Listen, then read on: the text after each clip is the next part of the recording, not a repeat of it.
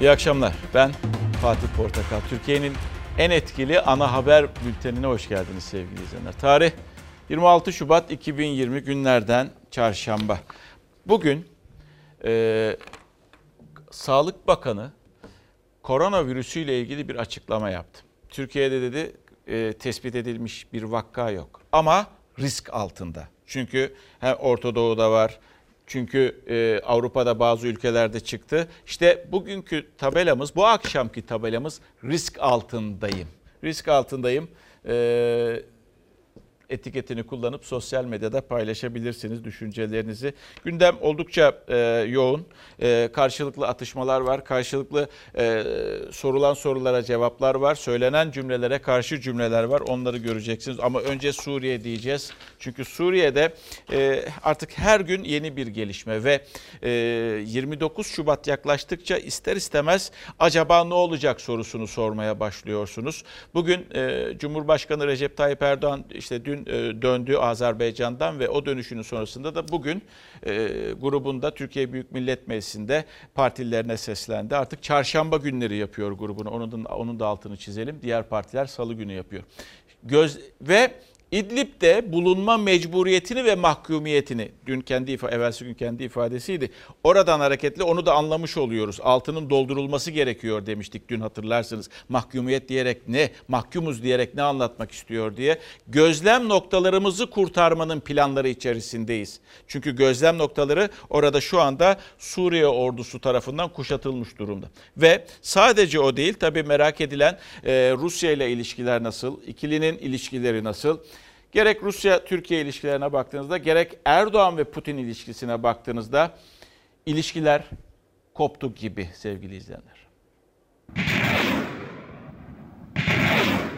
Gözetleme kulelerimizi kuşatma altına alanlara verdiğimiz süre doluyor. Gözlem kulelerimizi kuşatmalardan öyle veya böyle bu ay sonuna kadar kurtarmanın planlaması içindeyiz. Erdoğan Suriye'ye verilen sürenin dolduğunu hatırlattı. Geri adım yok dedi. Rus heyetin gelişi öncesi Moskova'ya mesaj gönderdi. İdlib'de en küçük bir geri adım atmayacak, rejimi mutlaka belirlediğimiz sınırların dışına çıkartacak, halkın evlerine dönüşünü sağlayacağız. Türkiye olarak bu konuda kararlıyız ve her türlü fedakarlığı göze alıyoruz. Türkiye'nin Esad'a Soçi mutabakatı sınırları yani Türk gözlem noktalarının gerisine çekilmesi için verdiği süre 3 gün sonra doluyor. Rejim güçlerinin çekilme yönünde bir hamlesi yok. Aksine Rusya'nın verdiği hava desteğiyle ilerlemeye devam ediyorlar. Son bombardımanlarda 12'si çocuk 31 sivil hayatını kaybetti. Yaralı sayısı yüzün üzerinde. Gözlerse Ankara'da. İdlib krizi nedeniyle iplerin gerildiği Türkiye ve Rusya arasındaki görüşmelerde. Rus heyetin gelişi öncesinde Cumhurbaşkanı Erdoğan AK Parti grubunda konuştu. Türkiye'nin rejim askerlerini mutabakatla belirlenen sınırların dışına çıkarmakta kararlı olduğunu söyledi. Cumhurbaşkanı İdlib'de görevli askerlere hava desteği verilemediğini ilk kez dile getirdi. İdlib'de ortaya çıkan büyük insani krizi önlemek için sahada aktif müdahale dahil her yolu deniyoruz. Şu anda en büyük sıkıntımız hava sahasını kullanamıyor oluşumuzdur. İnşallah yakında buna da bir hal çaresi bulacağız. Erdoğan Türkiye'nin Suriye'de her türlü fedakarlığı göze aldığını vurguladı. İsim vermeden Rusya'ya yüklendi. Asıl mesele Suriye'de bize karşı dostluğa ve müttefikliğe sığmayacak tavırlar içine girenlerin ne kadar fedakarlığı göze aldıklarıdır. Savaşta tank, top, uçak, füze, kurşun bir yere kadar işe yarar. Asıl mesele yürektir, yürek. Cumhurbaşkanı Erdoğan kimilerinin Türkiye'yi köşeye sıkıştırarak istediklerini kabul ettirebileceğini sandığını söyledi. Bölgenin dinamiklerini hatırlattı. Biz misafir değil, ev sahibiyiz dedi. Sözleri Moskova'ya mesaj gibiydi. Bu coğrafya kendini büyük gören nicelerini daha ne olduğunu bile anlamadan bir anafor gibi savurup yutmuştur bu bilinmeli. Erdoğan Suriye'nin ardından hedefte Türkiye'nin olduğunu belirtti. Biliyoruz ki bugün Suriye ile olan 911 kilometrelik sınırımızın ötesinde verdiğimiz her mücadeleyi yarın kendi topraklarımızda bugünkünden 10 kat, 100 kat büyük kayıplarla yürütmek zorunda kalacağız. Cumhurbaşkanı Erdoğan Azerbaycan'dan dönüşte ise uçakta gazetecilerin sorularını yanıtladı. Washington'ın İdlib'de destek sözünü tutmadığını anlattı. Trump'la görüşme sinyali verdi. Amerika'nın bir destek sözü Trump'la görüştüğümde vardı ama henüz destek söz konusu değil. Görünen bir daha görüşmemiz gerekecek. Cumhurbaşkanı Amerika'dan Patriot hava savunma sistemi alımıyla ilgili de konuştu. Şu an Amerika'nın bize vereceği Patriot yok dedi. Biz teklifimizi yaptık. Eğer bize gönderecekseniz biz sizden de Patriot alabiliriz dedik. Ama şu anda benim aldığım istihbarat ise verebilecekleri bir Patriot yok. Ellerinde böyle bir şey yok. Cumhurbaşkanı açıklamalarını duydunuz. Orada belki dikkatinizi çekmiştir. Amerika'da gerekli desteği aslında veriyormuş gibi görünse de yani boşluk doldurmaya çalış doldurmaya çalışıyor de, demiştik ama şu anda ne Patriot alabiliyoruz ne de işte tam destek görünebiliyor. Acaba acaba e, Rusya ile ABD'nin ortak bir planı olabilir mi bu?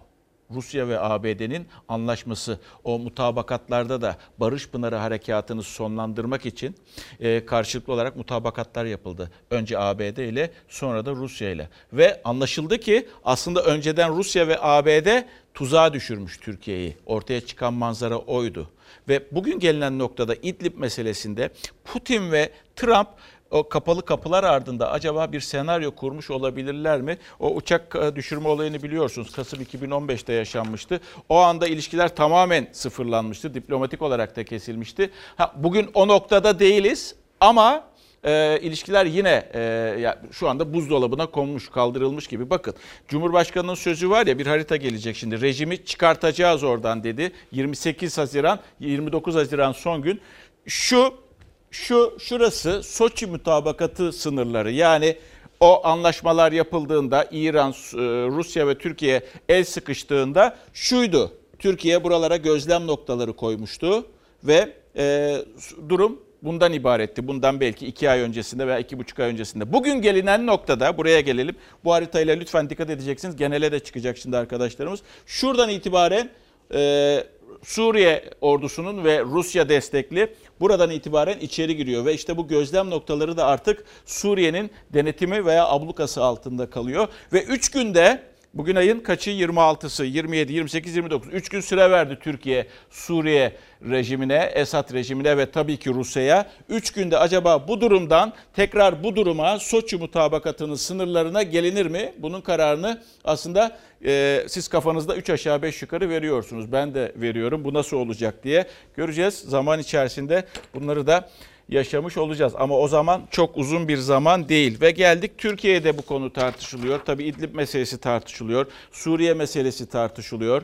E, ardından Rusya meselesi. Rusya'da tartışılıyor.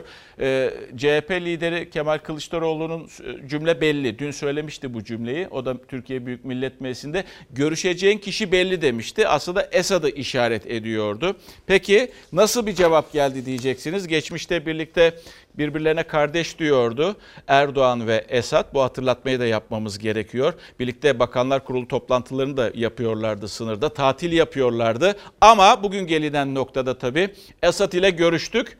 Adam olmayacağını gördük. Bay Kemal şimdi kalkıyor bize bu noktada ahkam kesiyor. Ya sen siyaseti bilmiyorsun. İdlib sanki Türkiye toprağı. Efendim Suriye hükümeti geri çekilecek. Ben oraya geleceğim. Ya adam kendi toprağı kardeşim. İdlib'de adam kendi toprağını savunuyor diyerek kendi ülkesi yerine rejimin yanında yer alan kahraman askerlerimizin mücadelesine hakaret eden, şehitlerimize saygısızlık yapan, gazilerimizi rencide eden bir kişi asla bu milletin evladı olamaz. İdlib düğümü iç siyasetteki tansiyonu da her geçen gün yükseltiyor. Cumhurbaşkanının hedefinde Kılıçdaroğlu vardı. CHP liderinin Esad'la görüş çağrısı. Bana yaptığı teklife bak ya. Git Esed'le görüş diyor. Ya sen daha Esed'i görmediğin zaman ben onunla görüşüyordum zaten.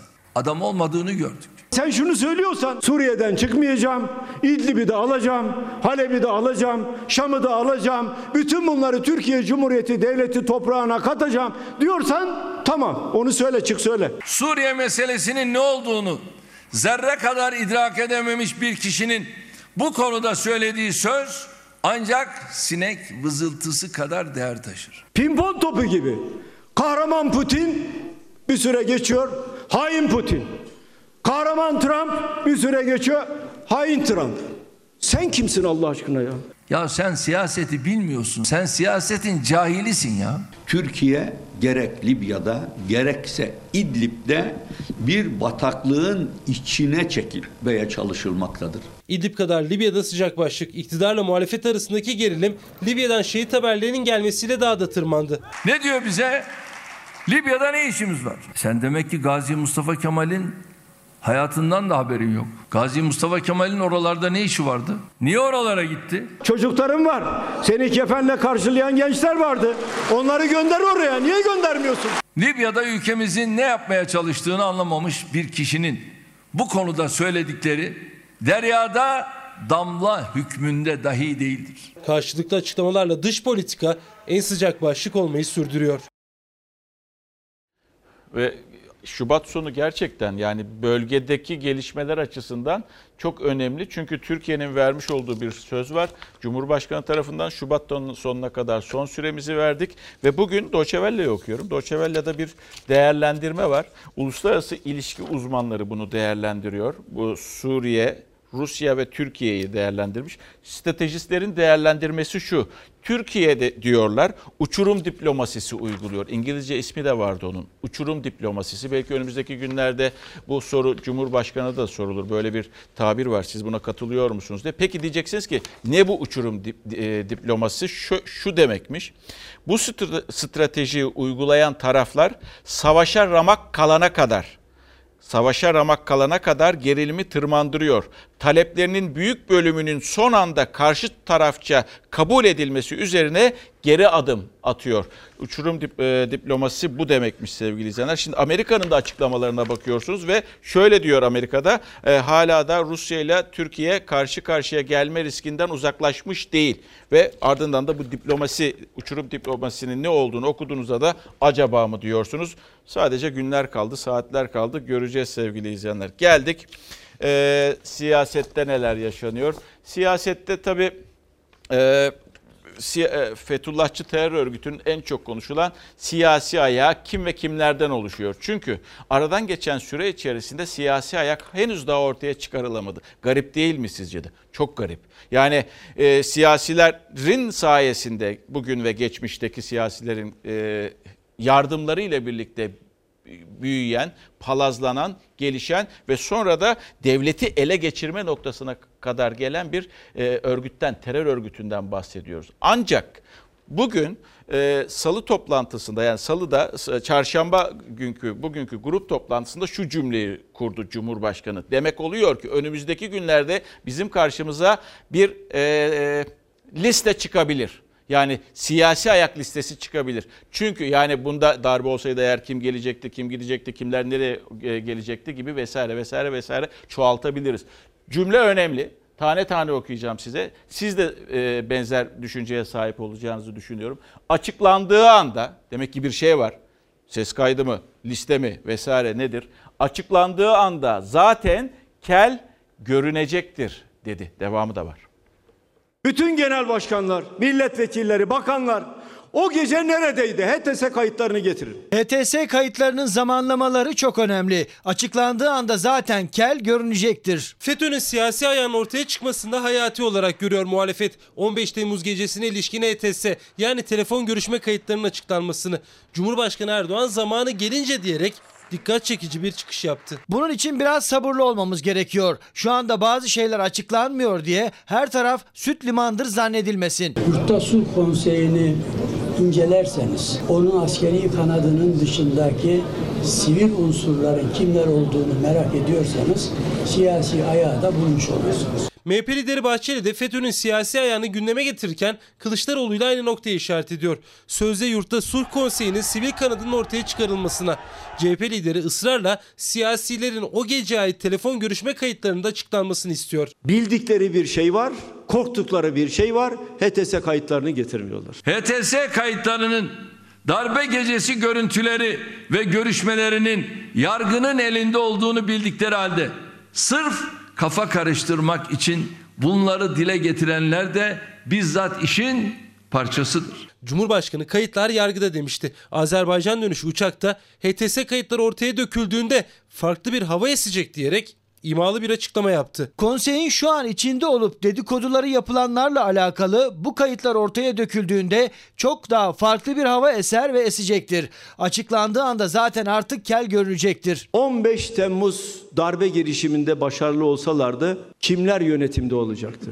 Bunun listesi FETÖ'nün siyasi ayağında, liderinde yani Erdoğan'da. Kılıçdaroğlu ısrarla sözde Yurtta Sulh Konseyi'nin sivil listesinin Cumhurbaşkanı'nda olduğunu söylüyor. Erdoğan'ın HTS kayıtları ile ilgili biraz sabırlı olun çağrısı sonrası gözler yeniden muhalefete çevrildi. Ya iç siyasette de önümüzdeki günler hareketli olacak. Tabii elde böyle bir şey varsa belki de savcılığa verildi. Onu da bilmiyoruz. Önümüzdeki günlerde böyle bir açıklama yapılacak ama çok tartışacağız bu konuyu. Ya aslında şimdiye kadar çoktan ortaya çıkması gerekiyordu. Çünkü neden diyeceksiniz? Bakın neden diyeceksiniz? Ta geçmişten bir sözle geleceğim size. Bülent Arınç zaman zamanki çıkışlarını bilirsiniz. Ankara Büyükşehir Belediye Başkanı ile arası bozuk olduğu zaman parsel parsel satmıştın dedi. E, FETÖ'ye satmıştın dedi. Ama hiçbir savcı da bunun üstüne gitmedi. Yani orada da bu söz var. Bu, ya en azından insan şüphe duyar da görevini yerine getirir. Hiçbir savcı bu sorumluluğu üstüne almak istemedi. O cümle orada kaldı ta ki bugüne kadar. Çünkü Ankara Büyükşehir Belediye Başkanı Mansur Yavaş eski belediye başkanı daha doğrusu görevden alınan belediye başkanı e, Melik Gökçek hakkında FETÖ'den suç duyurusunda bulundu. Peki dosyanın içeriği ne diyecek olursanız suç örgütüne yani Fethullahçı terör örgütüne yardım etme ve terörizmin finansmanı. Tabi şimdi bu dosyayı açacak savcı aranıyor. Bir dosya hazırlıyoruz. 150'ye yakın terör örgütlerinin finans sağladığı iddia edilen ve Gökçek dönemindeki imar e, artışlarının hepsini ortaya çıkarıyoruz ve tüm sorumlular hakkında teröre finansmandan dolayı şikayette de bulunacağız. Gökçek'e yönelik FETÖ suçlaması yargıya taşındı. Ankara Büyükşehir Belediyesi eski başkan Melih Gökçek hakkında suç duyurusu yaptı. Seçimlerde oy isterken bu yapının kucağında oturmuştur. Ve bu yapıya Ankara'yı parsel parsel satmıştır. Terör suçları bürosuna verilen dosyaya göre Emniyet Genel Müdürlüğü 2008 yılında eğitim tesisi yapmak için Saray beldesinden arazi istedi. Ancak arazi TOKİ aracılığıyla ihaleye çıktı ve yönetiminde FETÖ'cü eski savcılar Şadan Sakınan, Mustafa Bilgili ve Firari Önder Aytaç gibi isimlerin olduğu bir kooperatif arsayı aldı. Önder Aytaç ismini duymuşsunuzdur. Eski polis FETÖ'cü firari. Emrullah Uslu'yu da duymuşsunuzdur. O da öyle. Bunlar bir kooperatif kuruyorlar. Pursaklarda bir arazi, imara açılamaz denen bir arazi bir buçuk emsal veriliyor. Suç duyurusunda FETÖ'cülerin yönettiği kooperatife verilen arazide 7 kez imar değişikliği yapıldığı, çevredeki binalardan daha fazla inşaat izni verildiği ve bütün bunların Gökçek'in bilgisi dışında gerçekleşme ihtimalinin olmadığı belirtildi. Bu işler yıllardır Ankara'da özellikle cemaate mensup insanların organizasyonuyla şehrin en değerli yerlerinde Ankara Büyükşehir Belediyesi Melik Gökçek'i görevi kötüye kullanma, suç örgütüne yardım etme ve 15 Temmuz'a giden yolda terörün finansmanıyla suçladı. Yani adalete güven o kadar da yüksek değil ülkemizde. Ancak e, şimdi oradaki bu, bu bürodaki savcılar da aman bu dosya bana gelmesin diye herhalde içlerinden geçiriyorlardır. Neden? Çünkü hani bir laf vardı ya dokunan yanar diye durumda öyle şu an için. Tabi burada aslında böyle bir suç duyurusu varsa yapmıştır yapmamıştır bilmiyoruz. Ama en azından kafalardaki sorular giderilir ve geçmişte kaç yıl önce söylendi bakın o söz? Sayın Arınç tarafından Sayın Gökçe'ye. İşte e, parsel parsel sattın diye e, FETÖ'ye verdin diye. En azından hem kendisini aklama fırsatı bulur Melik Gökçek veya biz kafamızdaki sorulara yanıt buluruz. Tabi bunun kararını savcılar verecek. Savcı ya takip edecek ya da takipsizlik verecek ama göreceğiz. Ha bugün olmasa bile belki e, gelecekte böyle böyle bir dosyanın açılma ihtimali de vardır. Tabi adaletten konuştuk, çok konuşuyoruz, çok da tartışıyoruz adaleti. Yargı sistemini çok tartışıyoruz. İşte o yargı sistemini neden bugünlerde çok tartıştık? Onun da sebebi Osman Kavala'ya verilen beraat sonrasında gözaltı ve tutuklama yeni bir dosyadan 15 Temmuz dosyasından veya soruşturmasından. E, dün e, Sayın Kılıçdaroğlu grubunda HSK'ya yüklendi ve ismini değiştirdi. Onu duyacaksınız ne dediğini bir kez daha duyacaksınız. Tabii bugün de Cumhurbaşkanı e, Erdoğan cevap verdi. Kılıçdaroğlu'nu hedef alarak hastalıklı zihniyet iddiasında Hakimler Savcılar Yüksek Kurulu affedersin yüksek değil artık. Hakimler Savcılar Alçak Kurulu diyebiliriz. Karşımızda hastalıklı bir zihniyet var. Yargıya, hakimlere, savcılara her türlü hakareti yapan bir zihniyet başka nasıl ifade edilebilir? Osman Kavala'nın Gezi davasından beraat ettiği gün 15 Temmuz soruşturması kapsamında tutuklanması yargı bağımsızlığı tartışmasını alevlendirdi. CHP liderinin grup kürsüsünden kurduğu cümlelere Erdoğan da öfkeliydi, Adalet Bakanı da. Yargı mensuplarına hakarette bulunmak kimsenin hakkı değildir. 12 Eylül darbe döneminde işte ise bir savcılar vardı, hakimler vardı. Çok daha ağır bir faşizm düzeniyle karşı karşıya. Çok daha ağır. 27 Mayıs ve 12 Eylül darbe yargısını bile yüceltecek kadar alçalabilen bir kişi artık sözün bittiği yere ulaşmış demektir. Bu zatın bir defa terör örgütleriyle görüntüleri var. İşin içinde aktör. Yargı hala geziyle bunun alakası yok diyorsa kusura bakmasınlar. Cumhurbaşkanı bu cümleleri de Azerbaycan dönüşü uçakta kurdu. Gezi olaylarını finanse ettiğine dair bir delil yok diyen Osman Kavala hakkında beraat kararı veren mahkemeyi eleştirirken Kavala'nın terör örgütleriyle görüntüsü olduğunu söyledi Erdoğan. Yeni günde grup kürsüsünde ise gündeminde CHP liderinin yargıya ve kendisine yönelik eleştirileri vardı. Yargıya gözdağı veriyor. Kimsin sen ya?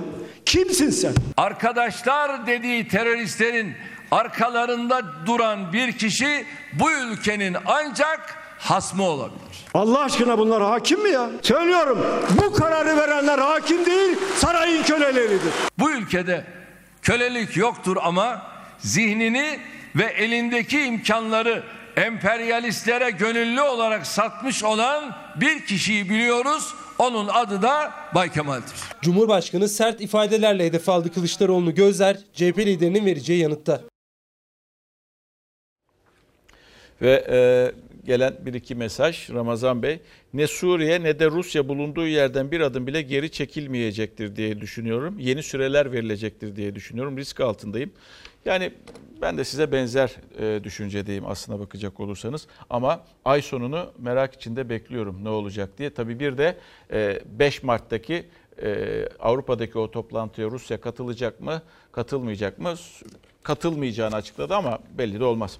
Ve bir başkası e, şöyle demiş, risk altındayım zaten. Koronavirüsünden önce ekonomiden, yargıdan, eğitimden, üretimden, e, siyasetten bahsedin demiş. Koronavirüsün eki ama koronavirüsünden de bahsedeceğiz. Çünkü e, Sağlık Bakanı'nın sözü var. Siyaset demiştiniz. Siyasete bakalım. Çünkü siyaset de önümüzdeki günlerde bu yeni abuk sistem veya bu ucube sistem yüzünden yine ittifaklar kurulacak ve şimdiden belli oldu ve karşılıklı olarak veyi fazla kullandım ama karşılıklı olarak siyasetçilerin e, karşılık e, grupları partileri karşı karşıya getirme politikaları var. Partiler karşı karşıya geldiğinde ister istemez seçmenleri de karşı karşıya geliyor. Yani bu sistemle birlikte partili cumhurbaşkanlığı ile birlikte siyasi ittifaklar toplumu kutuplaştırıyor. Şimdiden başladı.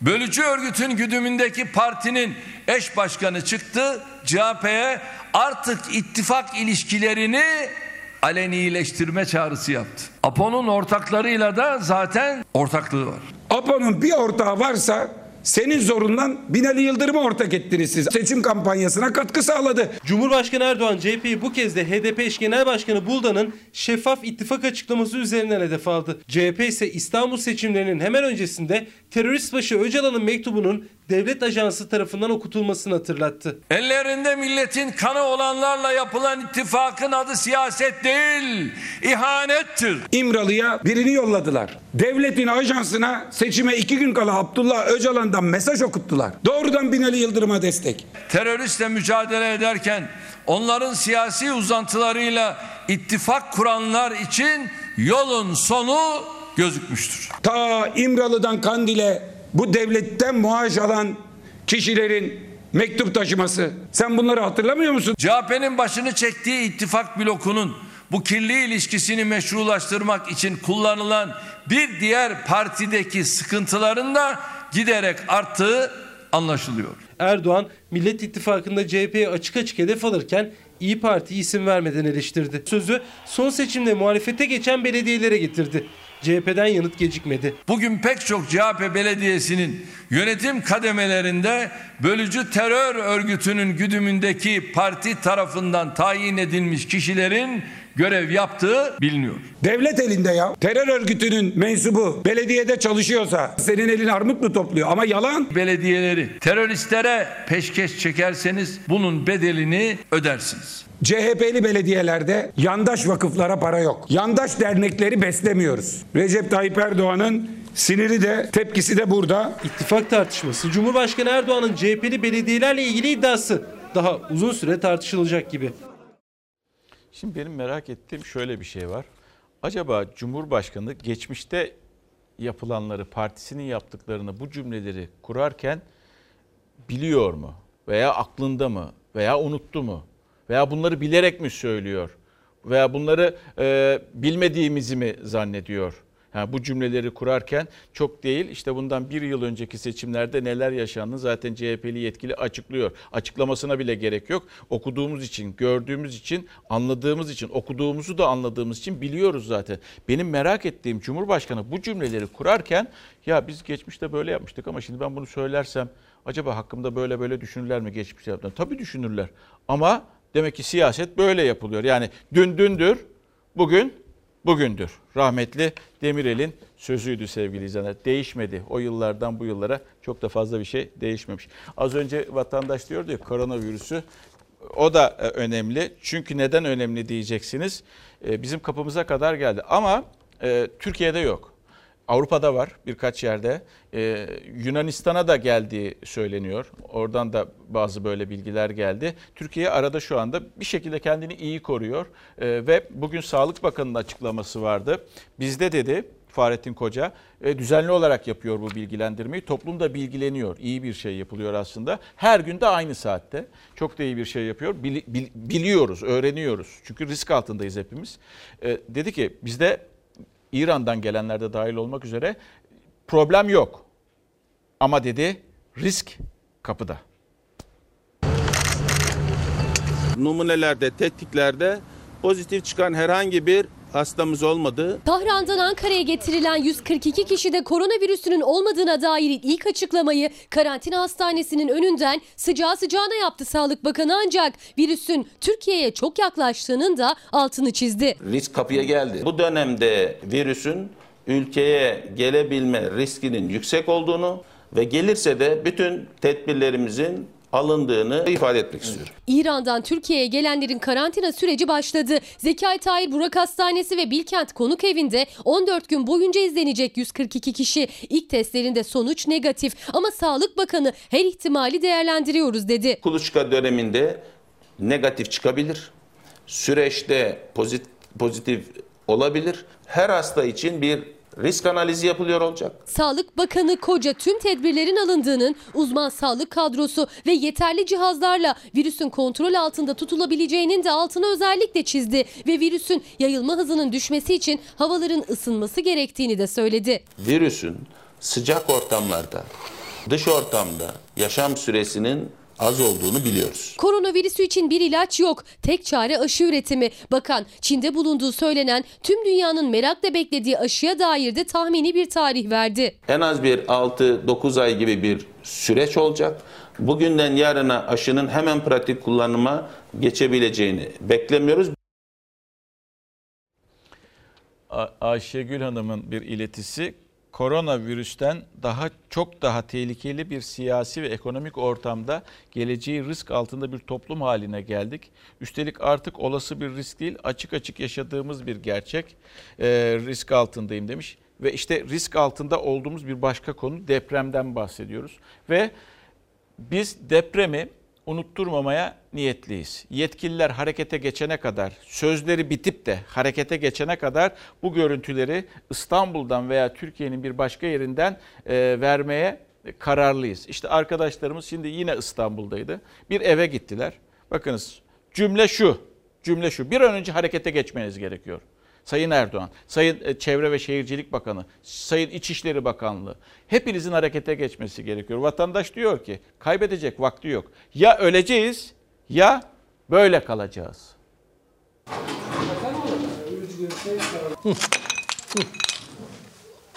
Bir bak bakalım. Bu demirler çok paslanmış. Şöyle gösterelim. Ağaç gibi dökülüyor. Evet. Toprak Zaten- gibi geçiyor. Zaten gözüküyor bak demirler pas tutmuş. Demirleri böyle gördüğün gibi demirler hepsi zaten sökülüyor. Bina bu kolonun üzerinde kolonun halini görüyorsun. Ne demir kaldı ne beton. Dıştan bakınca sapasağlam görünüyor ama İstanbul Küçükçekmece Kanarya Mahallesi'nde 5 katlı özgür apartmanı diken üstünde. Bina ağır hasarlı ve risk taşıyor. Apartman sakinleri ise çaresizce o binanın içinde oturuyor. Mecburiyetten oturuyor. işsiziz. Şu an zaten işimiz yok. işimiz gücümüz yok. Bize bir destek versin ki bir, bu binayı yıkıp bir daha yapalım yani. E, Kolon diye bir şey kalmamış zaten. Demir demeye de bin şahit lazım buna. Binanın kolonlarını oluşturan demirler deniz kumundan dolayı korozyona uğramış ve artık bu demirler çok paslanmış. Şöyle gösterelim ağaç gibi dökülüyor. Demiri toprak gibi oldu. Dökülüyor kendi kendine. Heh. Binanın giriş katındayız. Üzerimizde ise 5 kat daha var ve giriş katında hemen gözümüze çarpan ilk çatlaklar bunlar. Bu kolonu oluşturan tüm beton deniz kumundan yapılmış. İçerisinde denizden çıkan tüm malzemeleri görmek mümkün. Demir de yine paslanmış durumda. Burası yeni mi çatladı? Yani çatladı. Yıkılmak üzere görüyorsun. Yıkılmak üzere diyorsunuz. Onu gel hacım bir bak bana. Gitmiş yani ya bu konu bak bu kirişler hepsi gitti. Beş katlı binanın hemen zemin katında şöyle gösterelim. Ürkütücü derin yarıklar var. Şöyle boylu boyunca bu yarıklar uzanıyor. İşte bu manzaraya rağmen bu binada mecburen insanlar gidecekleri başka bir yer olmadığı için oturuyorlar.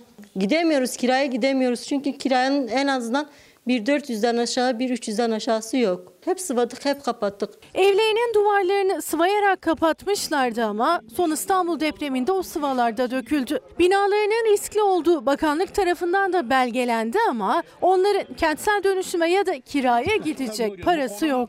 Üç gün içinde çıkın diyor. Ya öleceğiz ya da böyle kalacağız. Yani Şimdi birilerinin bunu duyması gerekiyor. Tabii bu sorun nasıl halledilecek? Bu en önemli sorun. Türkiye'nin binalarının tekrar elden geçirilmesi. Yani Kanal İstanbul'dan vesaire gibi o çılgın projelerden daha da önemli bir proje. İnsanı hayatta tutmaya çalışacağız. Bunu hem merkezi hükümet yapacak hem de yerel hükümet. Yani İstanbul Büyükşehir Belediyesi de bunu yapacak. Sadece İstanbul Büyükşehir Belediyesi depremle ilgilenmeyecek tabii ki. İnsanların farklı farklı sorunları da var. Bugün Ekrem İmamoğlu kapalı çarşıdaydı. Kapalı çarşıda işte vatandaşlarla, esnafla bir araya geldi. Son yaptığı ulaşıma zam vardı Büyükşehir'in. %35 civarında bir zamdan bahsediyoruz ve astronomik bir zamdı. Evet Türkiye gerçekleri de var ama ya en azından belediye belki e, kendinden sübvanse edebilirdi bir kısmını. Çok da eleştiri aldı. Bir vatandaş çıktı. Sloganı biliyorsun seçim zamanı. Her şey güzel olacaktı. Orada karşılıklı vatandaşla birlikte diyalog başladı. Vatandaş dedi ki her şey güzel olacak dediniz ama dedi. Ardından da karşılıklı atışma ama tatlı atışmaydı başlayıverdi. 6 tane akbil basıyorum. Kime güzel oldu? Her gün 6 akbil basıyorum. Ulaşıma, ulaşıma, ulaşıma. Sakin. Sakin, bak çok güzel ama inşallah olur. olacak, Olmadı olacak, ama. Olacak. Olmadı olacak. Endişe yok. Zaten Başkanım, olmuyor. buyurun. Niye olmuyor? Döviz artıyor, e, mazot artıyor, yakıt artıyor, e, doğalgaz artıyor. Bunlar bizim elimizde değil. Başkan buyurun. Onlara da tepki göster. Sana, sen de istirham. Onlara da tepki göster. Kapalı çarşıyı ziyaret eden İmamoğlu bir anda ulaşım zammına yönelik tepkilerin hedefi oldu. Yükselen seslere kayıtsız kalmadı. Eleştirinin sahibi esnafın yanına gidip kendini savundu. %35 neden? Zam yapmak zorunda kaldık. Eyvallah. Yani bizim Eyvallah. bizim e, biz yapın. keyif keyif keyif almıyoruz. Bu, bunu şimdi zam yapmazsam bir sene sonra daha kötü durumda. İnşallah daha hayırlı olur. İnşallah. Son yıllarda ekonomik sıkıntılarla gündeme gelen Kapalı Çarşı'yı bu kez İstanbul Büyükşehir Belediye Başkanı olarak ziyaret ediyor Ekrem İmamoğlu. Esnafın derdini dinliyor. Ekonomi konuşulurken aynı zamanda İmamoğlu'na yöneltilen bir eleştiri de %35'lik ulaşım zammı. Sizin bende bir şeyiniz var onu teslim edeyim. Hayır olsun. Teşekkür ederim. Ekrem İmamoğlu elindeki İstanbul karta bakınca anladı bunun bir eleştiri olduğunu. Yanıt yerine gülümseyerek karşılık verdi. 16 milyonu yaklayacağınızı söylemiştiniz seçimden. Evet İstanbul'da evet %35'i gerçekleşti devamını bekliyoruz. Kapalı çarşıya girer girmez de aynı eleştiri benzer cümlelerle devam etti. Ne zaman indiriyorsun? E, indirmiyoruz şu Ama yolsuzluk şey dedin, affedersin, e, ne demiştin? Her şey güzel olacak demişti. Allah'ın izniyle yapmaya çalışıyoruz. Bekliyorum. Üç buçuk yapman hataydı. Doğrudur. Elimizden gelenin en iyisini yapmaya çalışıyoruz. Endişen olmaz. Bak hata olduğunu sen de biliyorsun. Tabii ki. Tabii ki eksikli ama işte maliyetler artınca mecbursun. Öğrenci indirimini biz 85 liradan 50 lira yaptık Güzel biliyorsun. yaptın, güzel yaptın. Suyu biz indirdik biliyorsun Tamam, değil mi? Çok güzel yaptın. İşte ama yapabildiğimizi Ama suyu yapıyoruz. siz indirdiniz. Evet. Meclis kararıyla. Doğru mu? Ha sen bayağı takip ediyorsun siyaseti. Hadi bakalım. Yine bir başka kapalı çarşı esnafının yüksek perdeden zam eleştirisine de kayıtsız kalmayınca ilginç diyaloglar yaşandı. Yani 3 senedir yapılmayan zamı %35 yaparak ne yaptınız? Ulaşıma dediniz ki ulaşım, halk ulaşımı indireceğim dediniz. İndirdik bak 3 milyar 3 katrilyon 600 milyona çıktı ulaşımı sübvansiyonumuz. Niye? Sadece son bir yılda yüzde 40'ın üstünde sadece yakıt zammı var. Ulaşımla ilgili bakım hizmetlerimiz yüzde 50'nin üstünde arttı. Bunlar bizim elimizde değil. Başkan buyurun. Onlara da tepki göster. Yanım, Sana, senden istirhamım. Onlara da tepki göster. Ve e, bakın İstanbul Büyükşehir Belediye Başkanı vatandaşın bir kere İstanbul Büyükşehir Belediye Başkanı vatandaşın arasında olması evet. Seçim öncesinde de öyleydi. Şimdi de öyle güzel.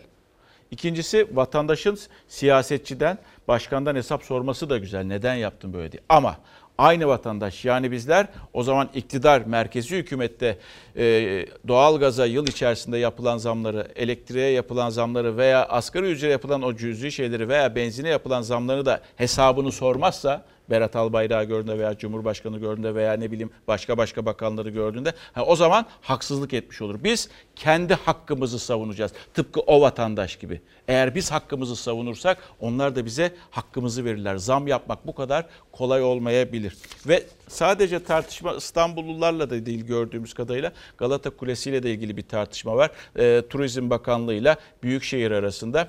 O da e, yani çok fazla problem yaratacakmış gibi görünmüyor ama aslında Galata, Galata Kulesi bir tartışma konusu oldu. Hukuki hakkımızı arama konusunda davamızı açtık. Süreci arkadaşlarım hukuki olarak takip ediyorlar. Söz konusu İstanbul olduğunda siyasi bakış açısıyla karşı izlemek veya hukuki yollara başvurup haklarımızı koruyacağız demek İstanbul açısından doğru bir uygulama değil. İstanbul'un simgelerinden tarihi Galata Kulesi, Turizm Bakanlığı ve İstanbul Büyükşehir Belediyesi arasındaki tartışmanın da adı oldu. Bakanlık kulenin işletmesini belediyeden aldı. Başkan İmamoğlu yargı kartını açtı. Turizm Bakanı Mehmet Nuri Ersoy karşı çıktı. Yanlış anlaşılmaya mehal vermemesi için özellikle Büyükşehir Belediyesi'nin vakıflarla olan sözleşme tarihi bitim olan 31 Aralık 2019'a kadar bekledik. Bu süre dolduğunda Büyükşehir Belediyesi yönetimi bir önceki yönetimle yapılan yazışmalar sonucu Büyükşehir Belediyesi hiçbir girişimde bulunmamış o zaman diliminde. O süreç içerisinde Turizm Bakanlığı da bir eylemde bulunmamış. Aylar önce kendilerine bir bildirimde bulunduk. Ocak ayında tekrar bir bildirimde bulunduk. Hani böyle sürpriz bir bildirim durup dururken çıkmış bir şey değil. Turizm Bakanı Mehmet Nuri Ersoy işletme hamlesi için sürpriz değil dedi. Detayları paylaştı. Kulenin bakanlığa bağlı Vakıflar Genel Müdürlüğü'ne ait olduğunun da altını çizdi. Ekrem İmamoğlu ise muhatap biziz, bize sorulmalıydı dedi. Sayın Turizm Bakanı'na da tavsiyede bulunuyorum. İstanbul'la ilgili bir karar almak istiyorlarsa en doğru yol arkadaşları İstanbul Büyükşehir Belediyesi'dir. Bizimle görüşmekten, konuşmaktan çekinmesinler. Bizim başkanla herhangi bir iletişim sıkıntımız yok. Kendisi istediği zaman beni arayabiliyor zaten. Her seferinde de en kısa sürede kendisine dönüyorum. Sayın Ekrem İmamoğlu ne zaman isterse benden randevu alabilir. E, Fikrime ihtiyacları varsa her türlü desteği ve fikri de vermeye hazırım. Kültür ve Turizm Bakanı Mehmet Ersoy İmamoğlu'yla diyaloğa açık olduğunun altını özellikle çizdi. İşletmesi belediyeden alınan Galata Kulesi'nin akıbetine yönelik gözler yargıya çevrildi. Biz bu haberi pazartesi günü ekranlara getirmiştik. Rize'nin Güneysu ilçesinden bahsediyoruz. Nazlı yere basmaz. Oradaki HES'leri anlatmıştı. İkinci kez anlatmıştı ve orası biliyorsunuz Cumhurbaşkanı da memleketi aynı zamanda. Ve başlık şuydu. Çünkü insanlar ver yansın ediyorlardı. Gönülden uzaklaşıyorsunuz demiştik. Neden? Çünkü Cumhurbaşkanı seçimler öncesinde e, demek ki gönüllerden uzaklaşıyoruz ki vatandaş böyle değer, e, böyle yaptı değerlendirmesini yapmıştı. Azerbaycan dönüşü gazetecilerin sorularını yanıtladı kendisi. Belli ki haber seyredilmiş, haber ses de getirmiş. En azından biz en gümüş sulu vatandaş, gümüş suyulu vatandaşların sesi oldu. Güney suyulu vatandaşların sesi olduk ve onlar da seslerini Erdoğan'a duyurdular. Şimdi bu suyun olmaması demek burada yaşamak için bir amacımız kalmadı. Torunum gelecek bana diyecek ki dede bu köprüyü buraya neden yapmışsınız? Altından su akmıyor. Ben bugün kaymakamı aradım. Bununla alakalı ruhsatı var mı dedim. Ne il başkanı var, ne ilçe başkanı var, ne kaymakamı var, ne de valisi var. Ha, reyimizden sahipsiz kaldık. Derelerde balık tutmak yasaktı diye coğrafyanın insanı karakollara götürüldü, cezalar kesildi. Alabalık nesli tüketiliyor diye. Ama şimdi gördüğünüz bakın şu derede alabalık kalmadı. Niye kalmadı? Dere yok ki alabalık. Yani. Bir zamanlar balık tuttular diye gözaltına alınırlarken şimdi o derenin suyuna sahip çıkıyorlar diye götürülüyorlar karakola. Rize Güney Sulu seslerinin duyulmasını ve HES inşaatının durdurulmasını bekliyordu. Cumhurbaşkanı Erdoğan hemşerilerinin sesini duydu. Kaymakam Bey dedi ki ruhsatı her şeyi var. Bunların derdi bu. Niye bize sorulmadan başladı? Ondan sonra belediye başkanını aradım. Başkan da dedi ki ruhsatları her şeyleri var ama dert başka. Para kazanacaklar diye bir şeyi yok etmenin anlamı nedir diye soruyorum. Ve Cumhurbaşkanı'na şunu rica ediyorum. Bir zahmet buyursun şu dereyi bizleri bir cihazın görsün. Güney Su Köylüsü'nün sesini Fox Haber ekrana getirdi. Bölgede başlayan HES çalışması derelerini kuruttu. Onlar da hem hukuk mücadelesi başlattı hem de tepkilerini dile getirdi. Kimseye zaten bir şey sordukları yok ki. Vuru kırı tokucu değiller. Çocuklarımıza, torunlarımıza biz yarın bir gün ne diyeceğiz, neyi teslim edeceğiz? Bize yazılar geliyor Cimer'den oradan buradan. Ee, izin almadan başlamışlar buraya. E, bu nasıl oluyor yani? Kim veriyor bu izni o zaman? Fox Haber'in ekranlara taşıdığı bu sorunu Cumhurbaşkanı Erdoğan Bakü dönüşü gazetecilere değerlendirdi. Burada olsa olsa tek sıkıntı su debisi nedir noktasında. Bu HES hakikaten su debisini azaltacaksa o zaman devlet su işleri buna neden müsaade etmiş? Ayrı bir konu.